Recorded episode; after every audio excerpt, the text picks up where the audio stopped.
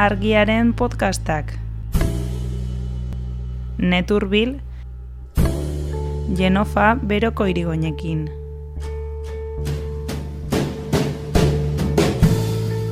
Agroindustrialeko lobiak ari direla estatu batuak presionatzen, gero estatu batuek presionatzeko, orduan gure kasuan Mexiko, baina beste egi batzuk ere, zeinek eh, erabakiko duten, ba, transgenikoen kontra eitea, ba, elikadura buru jabetzaren aldeko neugi batzuk hartzak. Eta Monsanto lehen, eta gaur egun baiet, badute sekulako lobbying estrategia bortitz bat, eta biziki ongi antolatua. Mexikon uh, ingurumen ministroak demisionatu behar izan zuen, zeren sekulako presioak jasaten zituen,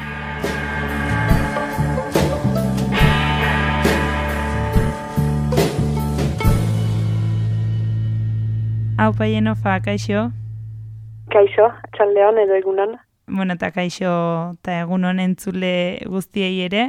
E, bueno, joan den astean e, Chevron multinazionala, zaritu ginen peio zubiarekin egin genuen podcasta, eta honek e, petroleoa ateratzeko Ekuadorren egindako sarraskia zitzegin zigun peiok. E, gaur berriz beste multinazional bat eta beste herrialde bat e, karriko dizkiguzu, baina antzeko kontuekin Bayer eta eta Mexiko, eta hazi transgeniko ez eta herbizidez hitz egingo dugu.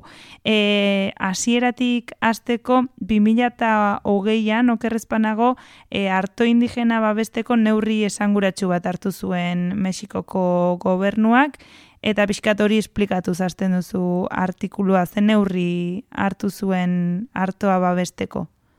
Bai, Uh, ba hori, 2008ko abenduaren ogoita maikan, Mexikoko presidenteak dekretuz erabaki zuen uh, harto transgenikoak debekatzea, baita ere glifosatoa uh, debekatzea. Glifosatoa da erbizidio bortitz bat, orduan ongi funtzionatzen du, ze dena hiltzen du ere pasaian, beraz helburua betetzen dute, baina egia da uh, ondorioak dituela osasunean eta ingurumenean. Eta hori munduko osasun erakundeak ere hori ahiki jaten du, minbizi sortzaile probable gisa edo sailkatzen duelako, eta hori 2000 amabostaz geroz. Beraz bai, Mexikok eh, egindu hartu du erabaki bat ausarta, uh, transgenikoak debekatzeko, baita difosatoa debekatzeko. Ordan, horren parean noski bai glifosatoaren eta bai transgenikoen uh, jabeden bai egek ba, ba hori, ASEGEA edo adierazi du, ASEGEA adierazi du, bere desadostasuna eta eman du olako lobbying uh, makina bortitz bat uh, martxan ba, Mexiko presionatzeko. Eta baier zein da, baier da, uh, obekio ezaguna dugun Monsanto garaiko multinazionala, ba Monsanto erosi zuen uh, multinazional bat. 2018an erosi zuen, irurogeita iru bilioi dolaren truke, uh, da talde farmazeutiko bat, alemana uste dut, eta eta hori, beraz Monsantoren uh, transgeniko eta pestizide eta logika hori bai ere badu eta horren aldeari da lobbying lanetan. Hmm. Eta e, Mexikoko gobernuak hartu zuen neurri honek, e, ez dakit, gradualki etengo du transgenikoen erabilpena, baimenak balio gabetuz, errefusiatuz, pixka zer dio dekretu horrek? Bai, orduan uh, ematen du Mexikoko gobernuak hartu du erabaki hori, baina biztan da ez da egunetik biara munera gauzatuko, batetik egunetik biara munera gauzatzea, be, pixkati realista delako ere, zeren gaur egun Mexikok uh, harto asko importatzen du, eta harto kantitate hortan gehiengo handia da estatu batzuetatik etorritakoa, eta justuki transgenikoa. Beraz, uh, beraz behar da epe bat beste politika bat uh, martxan emateko, beste merkatu batzuk atxemateko eta beste hartu bauri, eh, oze emak ez diren hartu batzuk eh, eskuratzeko. Eta orduan eman du gobernuak lau urteko tarte bat, lau urtez eh, ba, beste bide batzuk idekitzeko. Eta baita glifosatoaren ere lau urteko epe bat eman du, eta hola ba, laborariek eta laborari eta industrialak ez, dira baita gehiago laborari deitzen, holako agroindustrian diren alimale batzuk, ba horiek behintzat lau urteko epe bat ukan dezaten, ba hiena bizikusteko eta eta mm. beste atera bide batzuk eh, plantan emateko. Esan duzu ez, e, asko igo dela e, Mexikoki importatzen duen harto kopuru hemen artikuluan ematen dituzu e, datuak ere. Laro gehieta malauan 2,6 milioi tona e, sartzen ziren Mexikora, eta 2000 eta emeretzian amabos milioi. Eta ipatzen duzu baitaren nola hasieran e, neka abeltzaintzarako edo animalientzako zena elikaduraren industrian ere e, harto transgenikoa geroz eta gehiago bai, erabiltzen dela, ez? E, eman dituzun datuak eh, hori da, eh? argita garbi e, Mexiko luza segonda buru jabe elikaduraren aldetik, e, zere, eta batez ere aktuaren aldetik, zeren badakigu aktua dela zereal bat e, pizu, leku eta, eta botere e, handia duena Mexikon, egan nahi zereal uh, kasik sakratu bat da, eh, aurreko sinesmenetan eta ere jada hor zen, eta ba, ba hori, irrespetu handia zor diote hartuari. Beraz, uh, hartua aspalditik orden zereala da, uh, ekoizten dute, badira barietate hainitz, eta luza segonda Mexiko buru jabe, inolako arazurik gabe. Baina, erran duzun bezala, eta sifrak ditugu, uh, gerozta gehiago importatzen dute. Orduan, uh, somat urtez, bost, bi, laro eta malautik uh, bi mila emeretzia, ba hori, bi kakos milioitik, ama bost kakos bost milioi tonara pasa dira. Hmm. Eta uh, berden boran askoz gehiago ekoizten dute ere. Eta hori, uh, bai abeltzaintza industrialaren zat, eta bai uh, bioegigaien zat ere. Uh, janai, uh, egunean, uh, mundua ba hori, dena hankaz gora doa, eta orai elikadura erabiltzen dugu, ba, egegai gisa, eta beraz, horrek, ba, ba, ekoizpenean, eta presioetan, eta ondorioak ditu ere. E, baina hori guztia lotua da, e, nahi bauzu, hanbeste importatzen dute orai, naiz eta buru jabe izaiten aldita izken, zeren, e, ba, sistema mundializatu batean gira, azteko, eta laborantza sartua da e, sistema liberal batean, egan nahi mm. laborantzaren merkatua liberalizatu zuten, e, laborariak azkarki bojokatu ziren horren kontra, zeren bazekiten paretaren kontra egan zirela logika hortan sartuz, baina ala ere munduko botere dunek hori erabaki zuten, eta logika horren emaitza da mila behatzen talaru eta malauean Mexiko Kanada eta Estatu Batuen artean izenpetu zuten uh, ba, nafta edo Ipar Ameriketako merkataritza libreko ituna, alena gisa ere ezaguna, eta eta horrek ba, erabat liberalizatu zuen laborantza. Uh, konkretuki zer egan nahi du, ba, konkretuki egan nahi du uh, ikusiz Mexikoren eta Kanada eta Estatu Batuetako egealitatea erabat desberdina dela laborantzari duak eh, estatu batuetan eta Kanadan laborantza diru laguntzaz lagundua da, eta Mexikon eh, pixka-pixka bat lagundua da, baina ez asko. Eh, 2008ko datu batzuk baditut, garaian eh, urtean laborari Mexikar batek jasotzen zituen zazpireun eh, dolar subentzio, eta urte berean, estatu batuetako edo Kanadako laborari batek, ogoita bat mila dolar. Berat, batek zazpireun eta besteak ogoita bat mila dolar. Gero bada produktibitatea ere, ez da berdina, zeren estatu batu eta Kanadan dira laborantza bizik industrial eta monokulturan eta bolako produktibitate alimale batekin. Eh, ektareaka estatu batuetan sortzik akotx lau tonako produktibitatea zen, eta garai berdinan Mexikon bikakotx bost tonakoa. Beraz, horrek ezan nahi du, e, nafta edo alena itun horiekin, ba, orain arte zituzten uh, babes eta kontrol eta neugi guztiak kendu direla eta denak direla berdin. Baina e, Estatu Batuetako eta Kanadako laburantzak ez du deus ikustekorik Mexikokoarekin hmm. eta beraz asko, ba, asko galdu dute. Eta zergatik importatzen dute, bukatzeko ideia horrekin, hmm.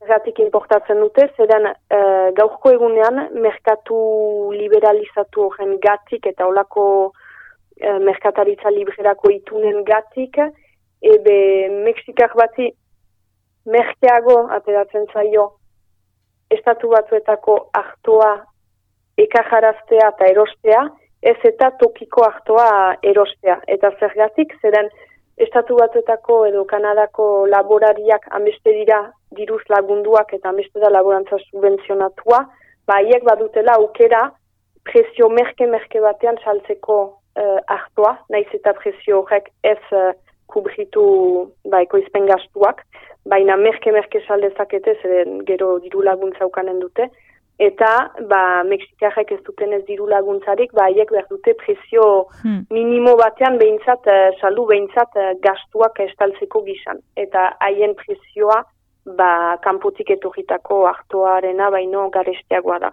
Beraz, jendeak nahiago du kanpoko hartu genikoa erosi, merkeago delako eta beraz hortan gira. Horregatik du Mexikokan beste importatzen, eta eta naiz eta bere egean askoz gehiago ekoiztu gainera orai. Baina hor, beste realitate bat da, hor da nekazaritza industrialarena eta aipatu mm. bio gaien gaiaren gatik horregatik ez, zain ondo azaldu duzun horregatik guztiagatik e, López Obrador presidenteak hartutako neurri honek bi erreakzio oso ezberdin eragin ditu ez, herritarrak edo bueno, e, nekazariak pozik agertu dira, elikadura buru jabetzarako bidean egindako beste urrats bat ezela ikusten dutelako, eta beste aldetik ez, e, agroindustria multinazionalak e, presio egiten ari zaizkio Mexikoko gobernuari, ez tezan dekretu hau e, aurrera eraman, o ez tezan e, neurri hau hartu, ez da?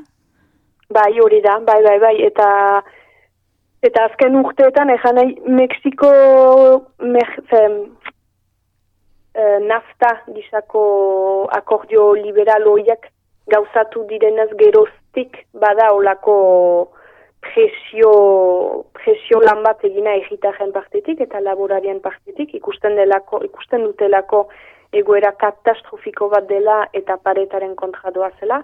Eta beraz, egia da, haiek aspaldian asia dutela olako presio lana.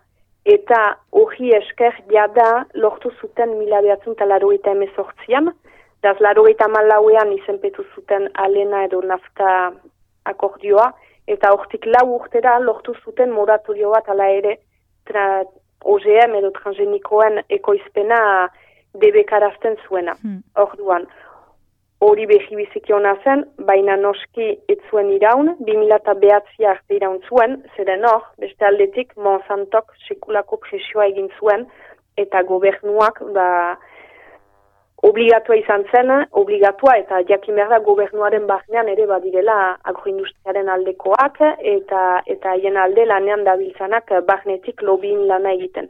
Azteko garaian gobernuak erabakizan atzera itea eta behiz baimenak banatu zituen uh, transgenikoa esperimentatzeko Mexikon. Hortik behiz egitajen presioa eta behiz lortu zuten debekoa 2008an. Orduan, 2008an debekua zen e, tokian bertan ekoizteko. Hau da ezin zen e, OGM-ik, OGM edo transgeniko, eh, transgeniko gauza bera da, OGM-ik ezin zen ekoiztu Mexikon. Eta gaur egungo, beraz, 2008ko abenduaren oita maikak behesten du e, erabaki hori, baina gehitzen dio ere, eta hori da biziki interesgarria, ezin dela transgenikorik importatu. Eta beraz, egan nahi du, uh, hemendik lau urtera Mexiko izanen dela egi bat, lujalde bat, nun uh, transgenikorik ezten, ezten ekoizten eta ezten jaten eta ezten importatzen.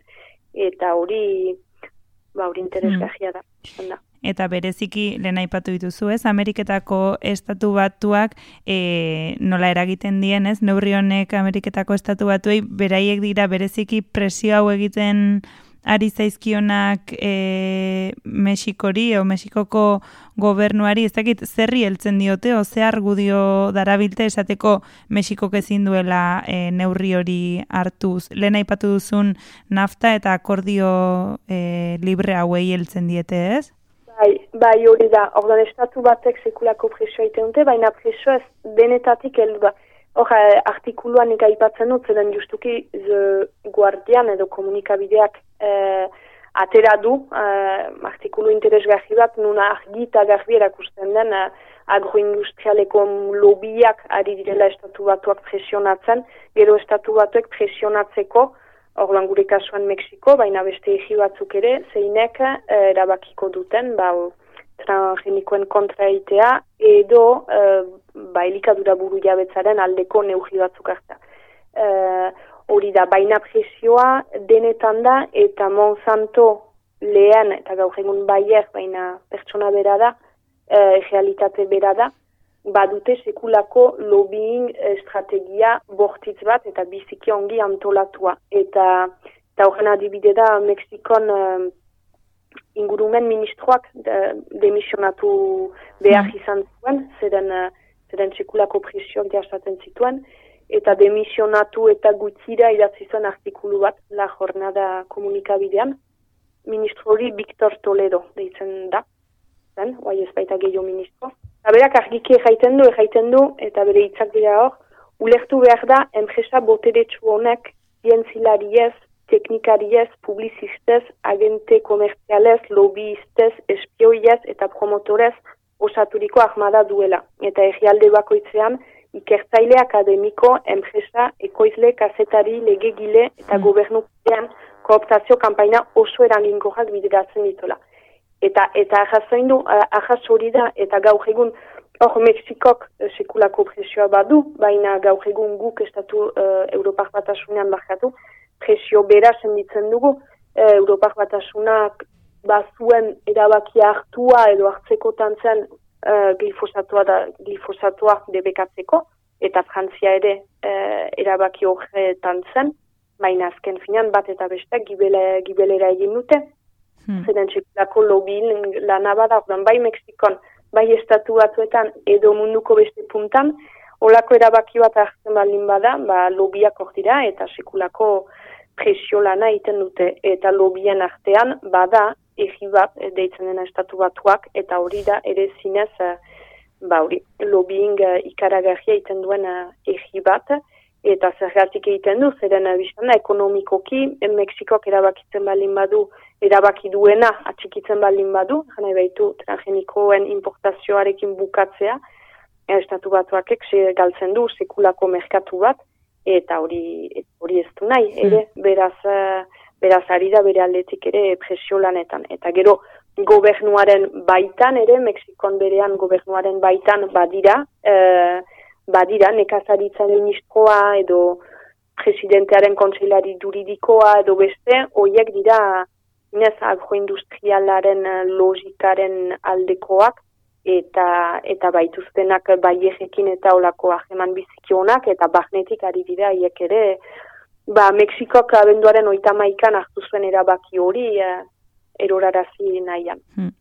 Eta gehien bat e, hitz egin dugu e, transgenikoen importazioaz, baina zuk aipatu duzu e, azken e, hitzartzenetan ere e, glifosatoa edo bueno, erabiltzen den herbizida hau ere debekatzea badela e, Mexikoko gobernuaren dekretu horretan biltzen duen beste puntuetako bat, e, osasunaren mundu erakundeak esaten bai du minbizi eragile oso probablea dela glifosatoa, eta gaur egun hala ere asko asko erabiltzen da, ezta? Ah, bai, bai, asko erabiltzen da, e, mundu guzian erabiltzen da. E, eta justuki Zidneko Unibertsitateko zientifiko talde batek edo atera du e, aldizkari zientifiko batean. Science of the Total Environment edo inglesez titulu hori duena. Mm. Atera du munduko mapa e, zeinetan agertzen den ze luj ere mutan erabilia den glifosatoa. Eta mapa hori aski beldurgarria da, zeren oartzen gira e, ba lujen lauetatik irutan badela glifosatoa. Orduan, uh, eremu gehienak dira Europako mendebaldean, Brasil, Argentinan, eta ere Txina edo Indonesiako eskualde batzutan. Eta beraz, uh, askik ezkagagia da, zeren uh, denetan uh, edatua da. Ero kantitateak ezberdina dira, hmm. eh? kasu batzuetan ikaragajiak, beste batzutan hor dira, baina agian ez dira aina jiskutsuak, eh, janai eh, zen badaira alaike ahisku eina desberdina da kantitatearen arabera hmm. ere, baina azteko uh, denetan dira. Uh, ala, eta, eta bai uh, ahiskutsua da, egan nahi, osasun, munduko osasun erakundeak argiki egan adu, minbizi sortzaile dela, edo probable dela, eta gero baditugu, uh, baditugu bagaizotasun kasuak, egan nahi badira mundu mailan, milaka eta milaka eta milaka nekazari e, minbiziarekin eta lotura argia egiten dutena hondop edo glifosatuarekin. Hmm. eta eta hauzibideak idekia dira, badakit e, e, Espainiakoa ezakit, baina bakit frantzide badirela batzuk, e, eta gero estatu batuetan ere badira hauzibide hainitz, eta justuki hor... E, be bai egek lortu du adoste bat, zeren bat ziren, nuzut, eun mila Amerikajek edo hauzi bat bazuten idekia, uh, kontra, Monsanto eta bai egen kontra, eta azkenean lortu du bat diruaren truke, bake, bakea edo bake soziala, da zain nola egan behar den, baina hmm. irabazten, zeren eman ditu amar bilioi dolaren truke, ba lortu du hauzi bideoiek uh, isten baina Amerikan estatu batzuetan bat ziren eun mila Amerikar gaixo, eh, jana minbiziarekin eta auzitan jahita multinazionala, azkenean lortu du hauzi bideoien eh,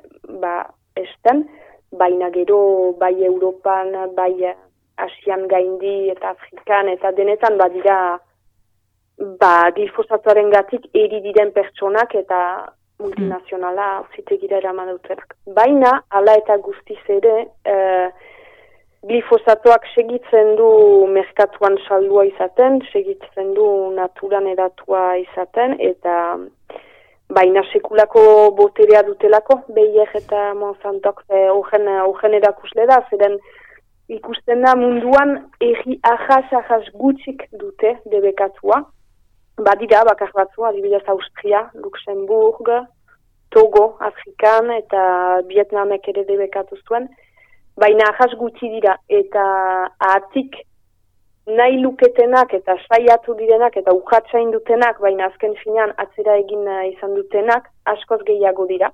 Galen aipatzu dute Europak batasuna, baina gero badira Tailandia, Argentina, Sri Lanka, eh, Salvador, bo badira egia imitz eta eta azken finean naiz eta denek jakin eta eta argiki minbizikasuak izan ba laike segitzen du. Hmm. saldua izaten inolako arazurik gabe. Zeren presio Bez, zeren inda handia dute eta presionatzen dute eta lortzen dute jendea haien mente atxikitzen, jendea edo irabakpe agintariak eta eta estatuak eta eta hori. Hmm ez da e, mezu eskor batekin bukatzearen, baina esan dut orain lehenko astean ere peiorekin antzeko gaia jorratu genituen, Chevron multionazionalak nola e, auzi bat edo epai bati, bere aurka jarritako epai bati buelta eman zion, orain ere ari gara hitz egiten multinazionalek egindako presioaz, ez? E, alako e, pozoi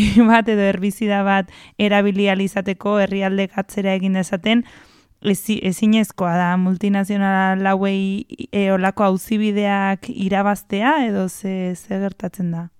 Bai, bai, auzibide batzuk gainera hori da, ez, adi badakit frantzian ordan orai ez dut gogoan uh, zeurteten norsk zehazki eta nun, baina badakit frantziako laborari batek auzibidea irabazizuela jaz edo Monsantoren kontra, eta beraz bai posible da, uh, bai posible da, uh, gero dudagabe e, segur da lobbying uh, lan ikaragarria egiten dutela eta beraz uh, egita jok gure aldetik ba, lobbying lana inberko dugula ere, eta eta behin betikot uh, olako erbizidak edo transgenikoak uh, debekatzeko, eta behitz ere, Ipar Euskal Egia edo, edo Artemalimada orokorki uh, jantzia, uh, transgenikoak debekatuak ditugu, guk ezin dugu hemen Ipar Euskal Egia, guk ezin dugu transgenikorik egoiztu. Egoaldean posible da, baina guk ezin dugu, eta hori argita garbi izan zen uh, egitarrek eramandako isio eta kampainei esker hmm. janaiz e, Monsanto saiatu zen sekulako presioak zituen eta eta Monsantorekin uh, FDSA eta FNSA direla laborari sindikatak agroindustrialaren logikan direnak haiek sekulako presioa intzuten, baina egitarren presioa handiagoa izan zen, eta oraindik gaur egun lortzen dugu, ba, Ipar Euskal Herria izatea harto transgenikorik ez duen lujalde bat, eta Frantzia ere, bere orokortiago harturik. Beraz, uh, beraz posible da, eta presioa hor balin bada, noizbait glifosatua ere debekaraziko da, uh, da, baina, baina presioa behar da. Ez bestela, ez balin bada, parean presioa presionatzeko editurak eta tresneriak baituzte, beraz, hmm. gure aldetik ere behar dira. Bueno, ez du horren mezu eskorrarekin bukatu beraz, posible da, ez? Hor, bai. dugu, posible da eta presioa egin behar. Ba, eskerrik asko, jenofa eta hemendik bi astera egongo gara berriro. Untza da, min esker. Agur. Ja.